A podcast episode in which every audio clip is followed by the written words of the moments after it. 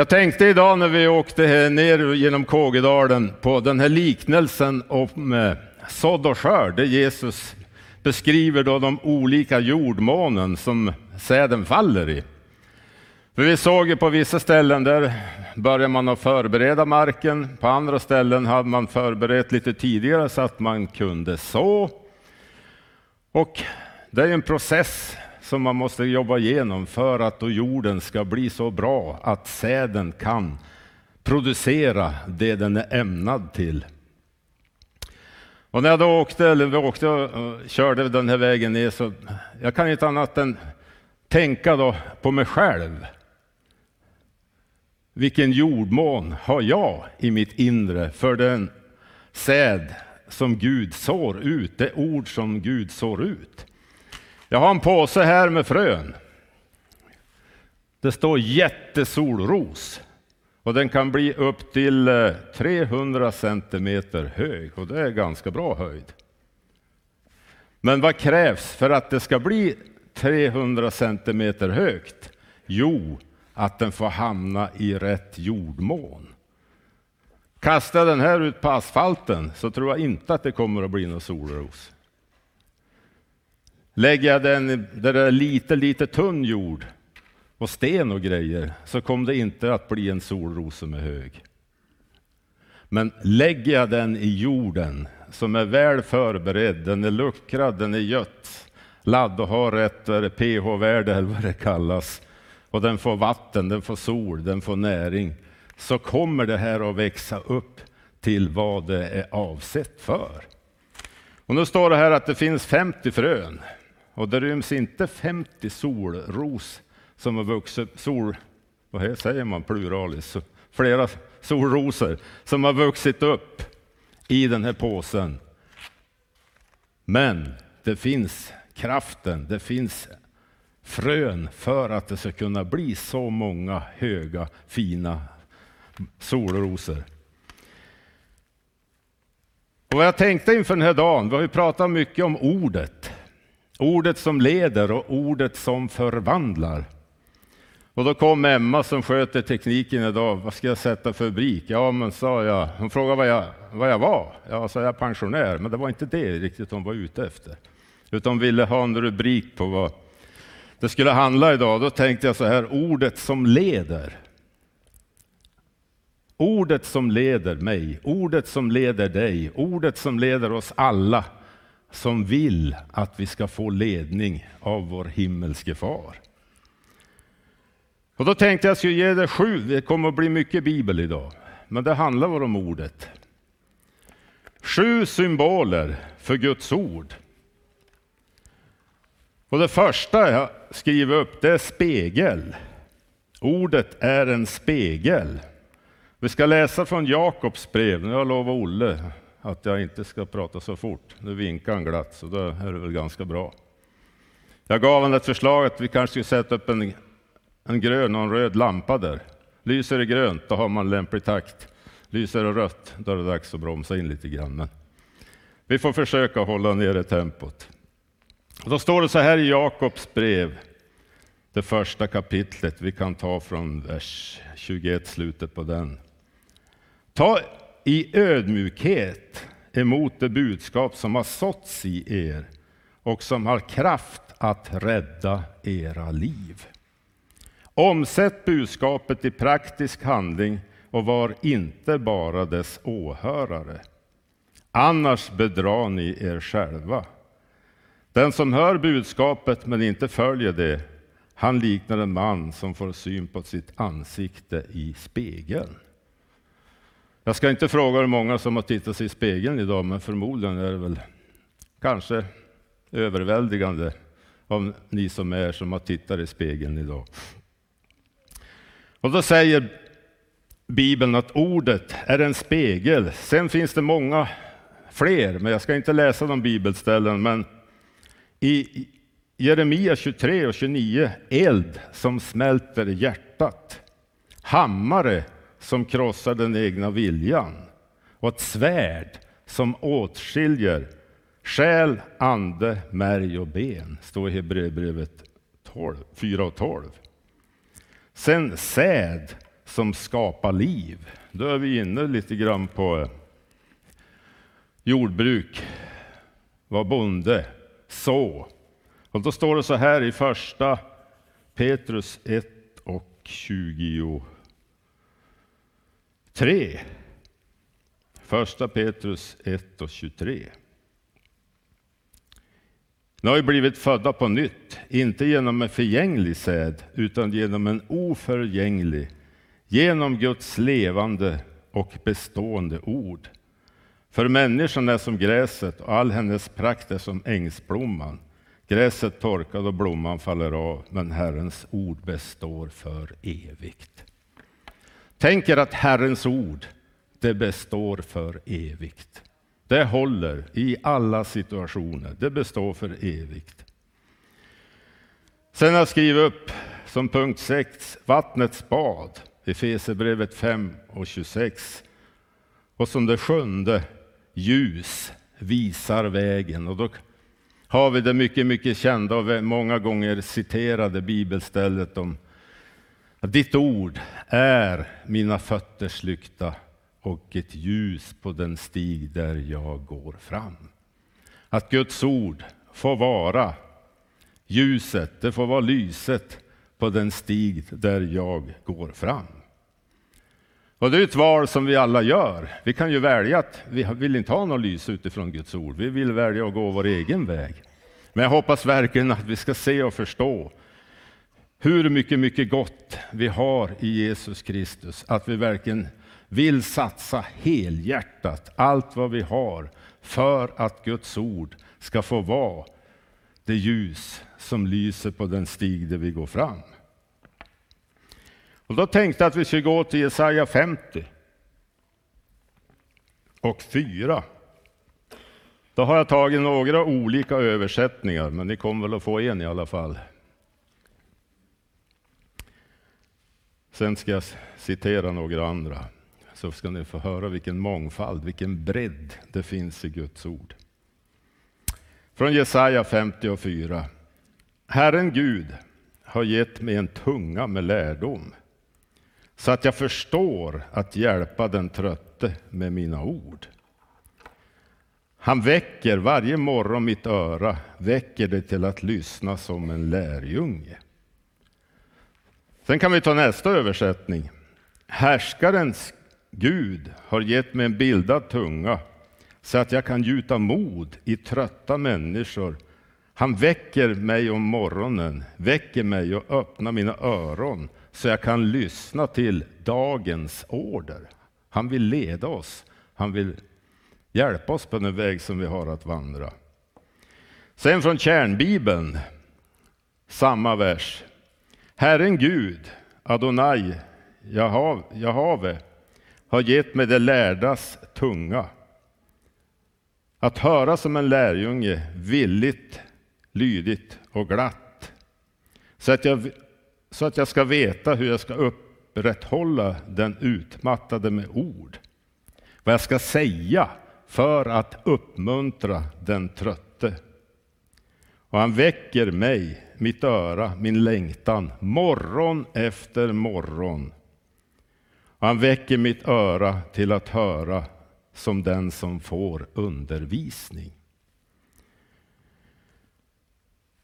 Så om man summerar ihop det här så kan man säga så här. Han väcker dig till att lyssna som en lärjunge.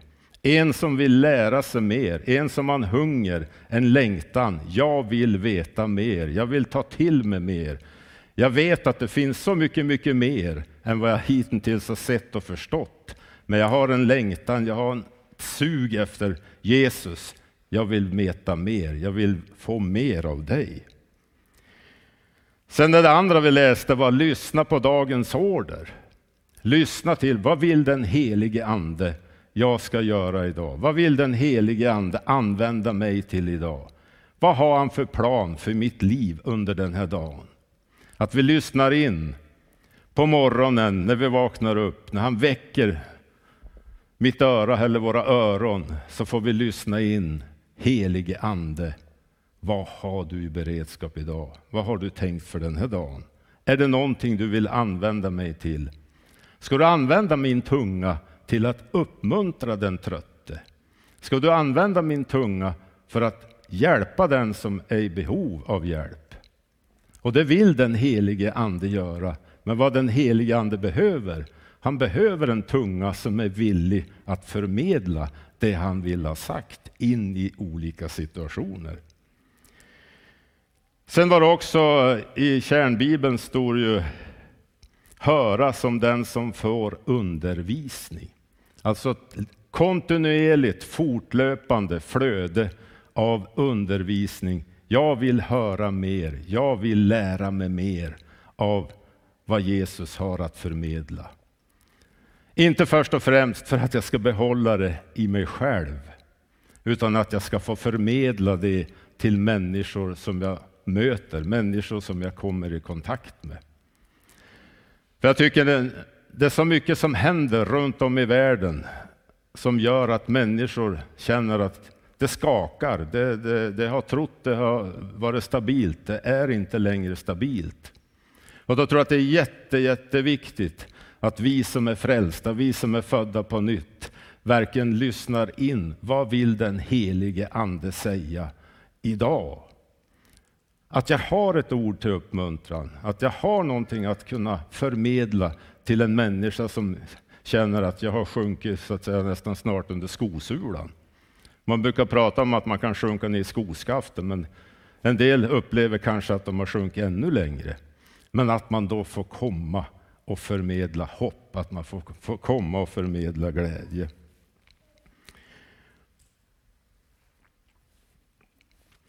Och när man läser Bibeln, när man läser om, om Jesus i evangelien så ser man att han tillbringar jättemycket tid att vara tillsammans med sin himmelske far i bön. Tidigt, tidigt på morgonen kunde han dra ut, dra bort och vara i bön.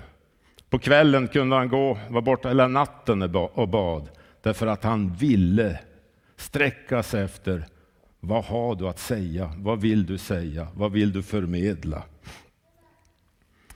Och han säger också att jag gör bara vad jag hör Fadern säga. Jag är inte ute på någon egen resa, utan jag gör det jag vet att min himmelske far vill att jag ska göra. Och tänk om du och jag verkligen får komma in i det stadiet att vi bara hör och gör det vår himmelske fader vill att vi ska göra. Vilken förändring Skellefteå skulle genomgå om vi verkligen fick tag på det Gud har för oss som individer att kunna förmedla till människor som vi möter runt omkring oss. För det är också så idag att det är ett enormt utbud av information. Det finns alla möjliga, och höll på att säga omöjliga kanaler och, och grejer du kan logga in på, komma in på, knappa in på och lyssna. Lyssna, lyssna, lyssna. Men det är ju så också att allt det som sänds, allt det som förmedlas är ju inte rätt och riktigt. Det är ju inte det som är sant. Det är ju inte det som leder till liv, det som leder till upprättelse, utan det kan snarare vara saker som försöker att stjäla, slakta och förgöra i våra liv. Någonting som vill knäcka glädjen, knäcka tron och få oss att gå åt helt fel håll. Fel håll. Men det finns ju någonting som är sant, som är rätt och som är riktigt och håller i evigheter. Och det är ju Guds ord. Tänk att vi får ha den här boken, att vi får läsa, att vi får dela med varandra ur den här boken. Guds levande ord.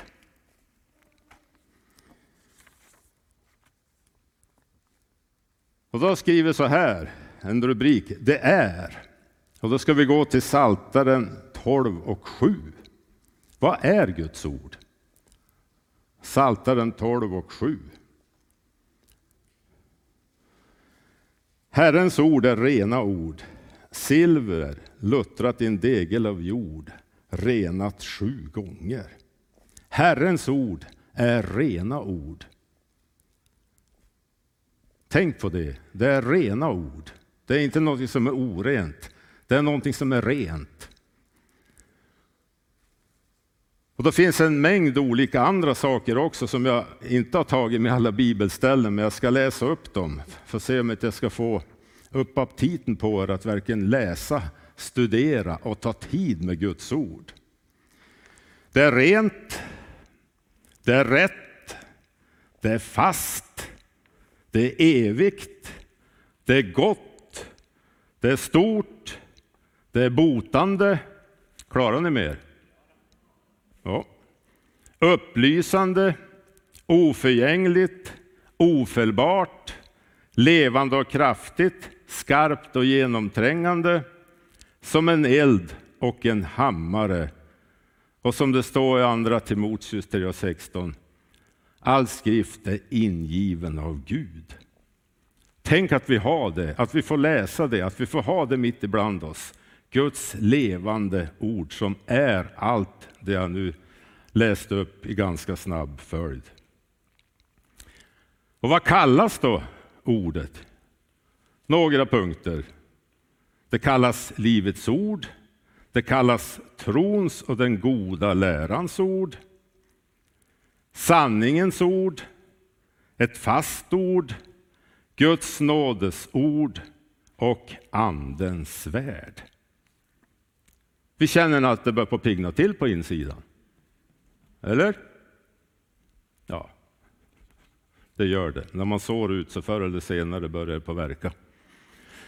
Eh. och när jag då förberedde det här så gick jag automatiskt mina tankar till Ordspråksboken 4 och 20.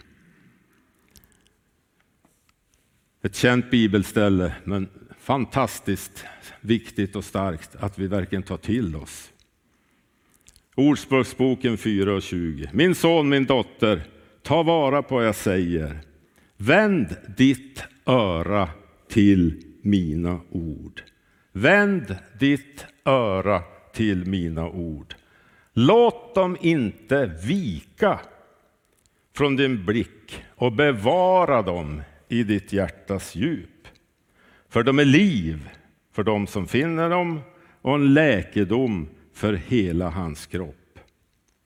Sen kommer vers 23. Men framför allt som ska bevaras, bevara ditt hjärta, ty därifrån utgår livet. Framför allt som ska bevaras ska du bevara ditt hjärta, ty därifrån utgår livet. En annan översättning skriver, vaka över ditt innersta, är, det, är viktigare än något annat, för därifrån utgår livet. Så att det finns prioriteringar i våra liv och en sån är ju att vaka över ditt innersta, ty därifrån utgår livet. Vad sår du in? Vad använder du för eh, någonting, för frön att så in i ditt liv? Är det det som producerar det som är gott? Eller är det någonting som producerar det som inte är gott? Jag tänkte när jag läste det här, det står ju vänd ditt öra till mina ord. Vänd ditt öra till mina ord. Kan det innebära att i normala fall så är örat på fel pejling, på fel linje? Det behöver vändas för att Guds ord ska kunna tränga in. Att vi gör ett aktivt val. Jag vill höra, jag vänder mitt öra till Guds ord. Jag träffade några i, i veckan som den ena hade haft hörapparat i ganska många år och den andra hade nyfått det. Efter en, en ja, han var med om en kraftig smäll så han tappade hörseln i stort sett. Och då hade läkarna sagt att det kommer att ta sju veckor innan hjärnan har så att säga ställt om för att han skulle höra bra med den här hörapparaten. Och jag tänkte också då han sa det där, jag menar, när vi läser Guds ord, när vi hör Guds ord, så är det ofta en tidsperiod som går. Det kan vara olika längd, det kan gå olika fort beroende på vilken jordmån och vad som händer och sker runt omkring, om det finns näring och allt i den biten, för att det ska växa upp, för att det ska bli vad det där fröet, vad de där orden är tänkta till. Så att det skulle ta ungefär sju veckor sen skulle det bli ännu bättre. Man var jättenöjd över vad som redan hade hänt. Och då sa den andra som hade haft hörapparat ganska länge att man, har du någon app i telefonen då? Nej, han hade. Ja, men det, det skulle han hjälpa honom med, för då kan du ställa in och höger öra, vänster öra och alltihop. Och det var jätte, jättebra. Och när man var ute och gick så kunde man knappa in så man hörde fåglarna utan att behöva vrida på huvudet. Och det var mycket, mycket finesser. Och då tänkte jag på den här texten. Vänd ditt öra till mina ord att vi gör någonting aktivt för att vända våra öron mot Guds levande ord. Och som det står i Efesierbrevet 1 är det väl att vi verkligen får be om uppenbarelsens och visdomens ande så att vi verkligen på djupet i våra hjärtan ser och förstår hur mycket gott som vi äger och har i Kristus Jesus. Att vi får en hunger, att vi får en längtan att jag vill verkligen fördjupa mig. Jag vill verkligen grotta ner mig i det här och se hur mycket gott jag äger och har i Kristus Jesus. Och jag menar, ber vi, söker vi, sträcker vi oss efter att verkligen få lära känna Jesus mer, så kommer han ju oss till mötes.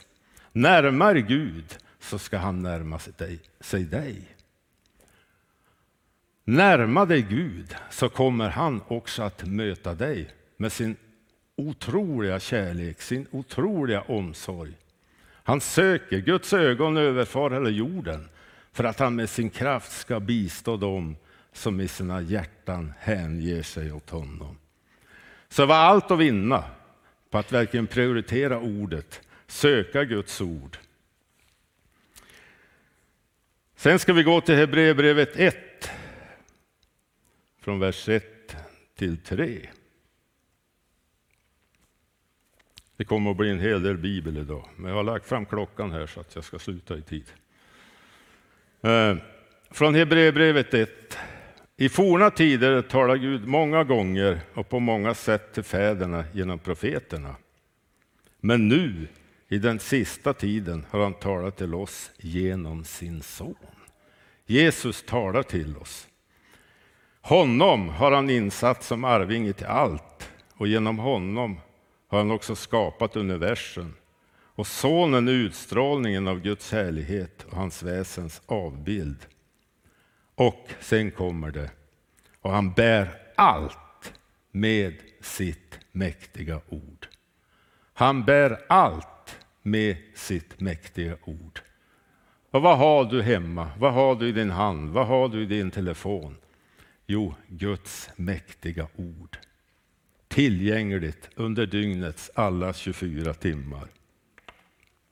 Sen står det vidare, och sen han fullbordat allt, fullbordat en rening från synderna, sitter han nu på majestätets högra sida i höjden. Jesus sitter högt över alla andevärldens förstar och väldigheter och han manar ständigt gott för dig och mig.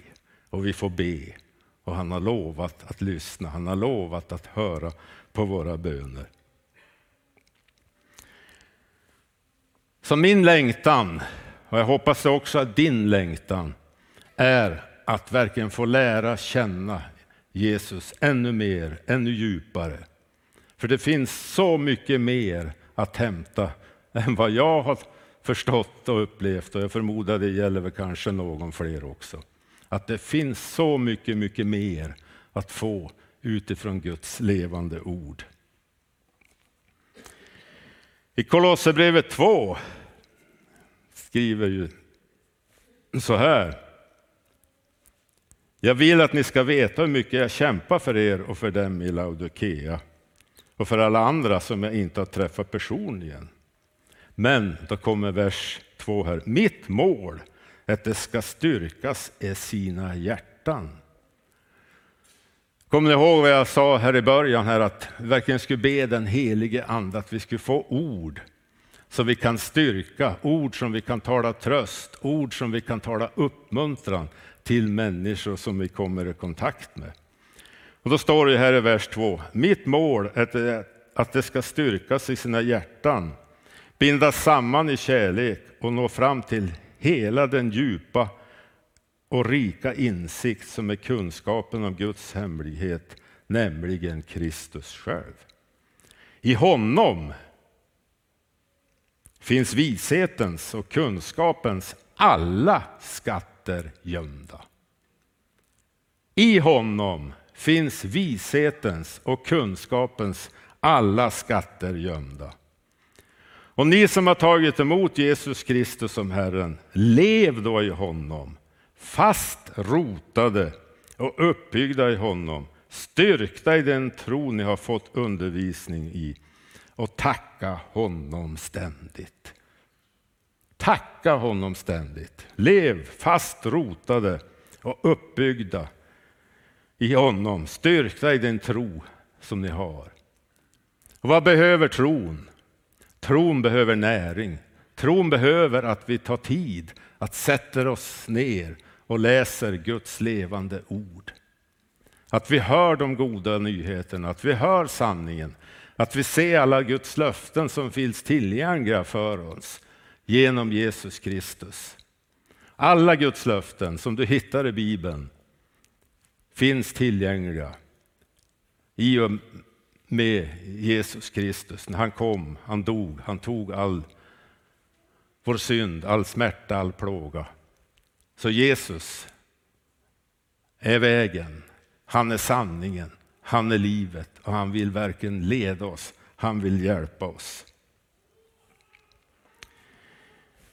Efesierbrevet 3 och 14 från vers 14 till 20. Därför böjer jag mina knän inför Fadern, han från vilket allt som, som kallas far i himlen och på jorden har sitt namn. Jag ber att han i sin härlighets rikedom ska ges kraft och styrka åt er inre människa genom sin ande och att Kristus genom tron ska bo i era hjärtan och att ni ska bli rotade och grundade i kärleken då ska ni tillsammans med alla de heliga kunna fatta bredden och längden och höjden och djupet och lära känna Kristi kärlek som går långt bortom all kunskap så att ni blir helt uppfyllda av all Guds fullhet.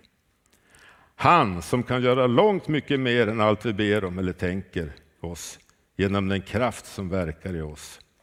Hans äran i församlingen och i Kristus Jesus genom alla generationer i evigheters evighet. Amen.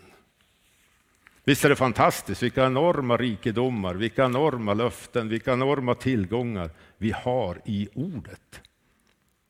Du och jag har mycket, mycket mer än en gång än vi har sett, förstått och upplevt. Och det finns tillgängligt för oss. Det finns att ta tag i, det finns att lyssna in till. Kan vi fortsätta i Fesebrevet, det femte kapitlet och från vers 15.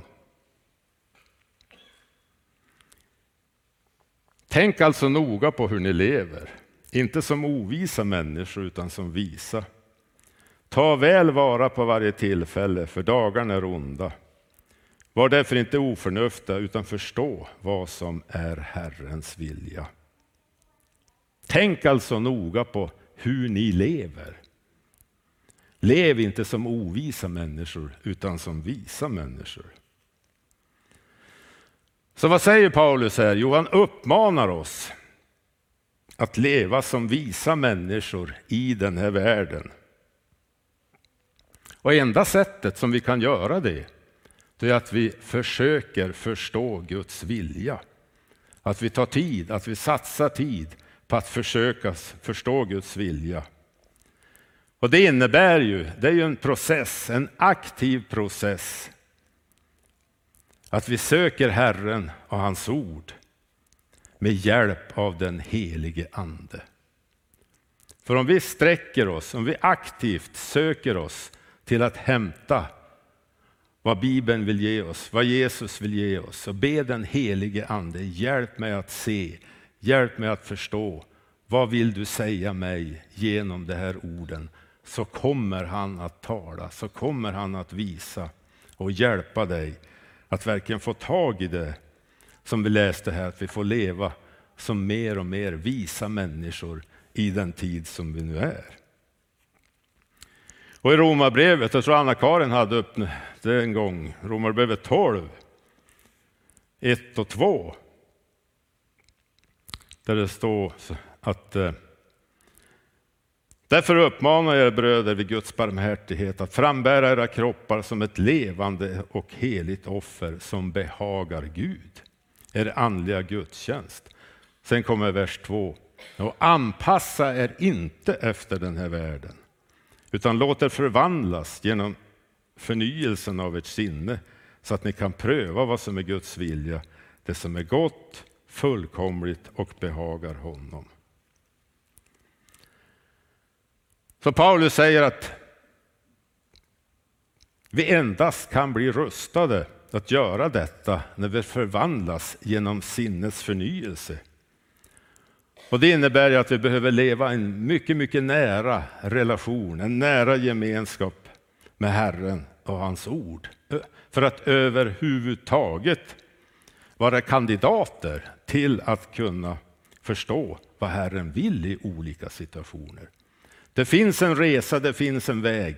Men går vi den, tar vi den resan och går den vägen så kommer visheten, så kommer uppenbarelsen, så kommer ljuset att lysa starkare och starkare med hjälp av den helige Ande. Han vill leda oss, han vill hjälpa oss.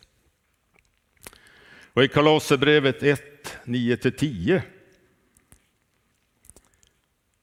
Från den dag vi hörde det har vi därför inte upphört att be för er. Vi ber att ni ska bli fyllda av kunskapen om hans vilja med all andlig insikt och vishet. De ber att insikten, visheten, kunskapen, den andliga visheten, den andliga insikten ska öka. Målet är att ni ska leva värdigt Herren och behaga honom på alla sätt genom att bära frukt i alla slags goda gärningar och växer till i kunskapen om Gud.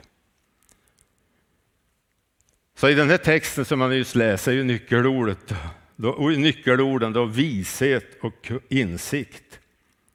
Genom att vi får kunskap om Guds vilja och då får vi också vishet, då får vi också insikt. Så kunskapen är något som vi förvärvar genom vår vandring tillsammans med Herren. Och så får vi därigenom också vishet. En förmåga att praktiskt omsätta Guds vilja i vårt vardagliga liv, och det vi möter i vardagen. Och en insikt, en förståelse om hur vi på bästa sätt kan behaga Gud. Och ni som var med igår, ni känner kanske igen det här, nu syns det inte för alla, men det var ju församlingens syfte och så var det några frågor på det här. Så jag bad Anna-Karin skriva ut det här i morse när jag kom ner. För jag tycker att vad innebär det här för oss i vår vardag? Jo, det handlar ju om det vi har fått höra, att vi verkligen söker Gud för att få insikt, för att få vishet och i sin tur kunna gå ut i den helige Andes kraft och smörjelse och styrka och förmedla det till människor som är runt omkring, runt omkring oss. För rubriken, eller A står det här, första punkten i var det stadgarna, i stadgarna.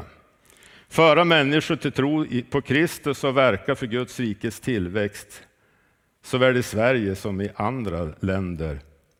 Vårda och utveckla det andliga livet och den sociala gemenskapen. Ta sig an det svaga och det utsatta. Jag är helt övertygad om vi kan ta ett kliv till in i det här med att verkligen söka vishet, söka insikt, söka kunskap för att kunna möta människor, så kommer de här punkterna att bli mer och mer fyllda av människor som har fått se och förstå vad det innebär att vara frälst, att ha sitt liv skrivet i Livets bok. Att vi får insikt, att vi får kunskap, att vi får viljan att verkligen gå ut och möta människor i vardagen. Tala uppmuntran, tala liv, tala glädje, tala sanning, för människorna vill höra sanningen. Jag ska sluta med Matteus 7. Jag vet inte om det, det finns kanske inte på, på eh, bilden som kommer att komma upp. kom på det här i morse. Matteus 7. Det handlar ju om att bygga på stadig grund respektive en väldigt dålig grund. Och jag tror ju att alla som på ett eller annat sätt har varit med och byggt någonting och gjort någonting vet ju hur otroligt viktigt det är att man gör grunden rätt. Har man grunden stadig, har man grunden bra, då kan man bygga det som ovanpå och det, det, det står stadigt. Och det står då i Matteus 7 och från vers 24. Den som hör min undervisning och handlar efter den är klok. Han liknar en man som byggde sitt hus på berggrunden. Alltså man har vänt sina öron till att lyssna. Man har öppnat sitt hjärta för att ta emot det som vill förmedlas. Det blev skyfall, översvämning och stormvindarna blåste med våldsam kraft mot huset, men det rasade inte eftersom det var byggt på berggrunden. Så tror jag att alla vill att ens liv ska vara. Att oberoende av vad som kommer emot en, oberoende av de stormar som dyker upp, så vill jag stå fast, så vill jag stå pall. Då handlar det om att man hör, man lyssnar, man tar in och äter av Guds levande ord. Sen finns den andra byggmästaren, eller byggaren. Men den som hör min undervisning och inte handlar efter den är en dåre. Han liknar en man som byggde sitt hus direkt på sanden. När sen regnet kom och det blev översvämning och stormvindarna blåste mot huset föll det ihop med ett stort brak. Alltså samma attacker, samma motstånd, samma tryck. Men helt från varandra åtskilda resultat. Det ena huset står pall, det andra faller och brakar ihop. Och varför brakar det ihop? Därför att man har hört, men man handlar inte efter vad man har hört. Man tillsluter sina öron, man öppnar inte sina öron på rätt sätt för att det ska få sjunka ner, komma in i hjärtat och skapa en förvandling, skapa någonting som håller även när det stormar och även när det blåser. Så det finns så mycket, mycket mer att hämta i den här boken, i Guds levande ord. Så låt oss verkligen, nu när sommaren kommer och pensionärer de har ju alltid tid brukar de säga, men jag börjar mer och mer att tänka, jag förstår inte om man har haft tid att jobba, men i alla fall, det är ju semestertider på gång. Och verkligen ta den tiden, ta de timmarna du får över att studera, läsa Guds ord och se och förstå hur mycket gott vi har genom Jesus Kristus. Att sanningen får ta mer och mer in i ditt hjärta. Ska vi be tillsammans? Ja, Herre, vi tackar dig för att du är densamme igår och idag och i all evighet. Tack för att du vill leda oss, att du vill hjälpa oss, att du vill föra oss framåt på den väg som vi har att vandra. Tack för att du har sagt att du har lovat att du ska vara med oss alla dagar in till tidens ände. Så vi vet att du finns, vi vet att du vill vara med oss och vi vet att du vill hjälpa oss. Så hjälp oss bara helige Ande att söka dig, vända oss till dig, sträcka oss till dig och be om vishet, din vishet och din insikt. Vi kan inte göra så mycket av oss själva, men vi koppla samman med dig och vi sätter vår kraft, vår styrka tillsammans med dig, så kan vi göra mycket för att ditt rike ska utbredas. För att människor ska få möta dig, att människor ska få uppmuntran, att människor ska få mötas av din tröst, din glädje och din frid. Att människor ska få mötas av din läkedom, ditt helande och din upprättelse. Tack för att du vill använda oss var och en. Och hjälp oss att vara lydiga, hjälp oss att vara frimodiga. För vi vill se människor få sina liv förvandlade. Vi vill se människor få möta dig. Gå från mörker till ljus, från död till liv. Tack Jesus att vi får lägga fram det inför dig, be till dig om din, din ledning och din vishet. Tackar dig för din nåd över oss. I Jesu namn. Amen.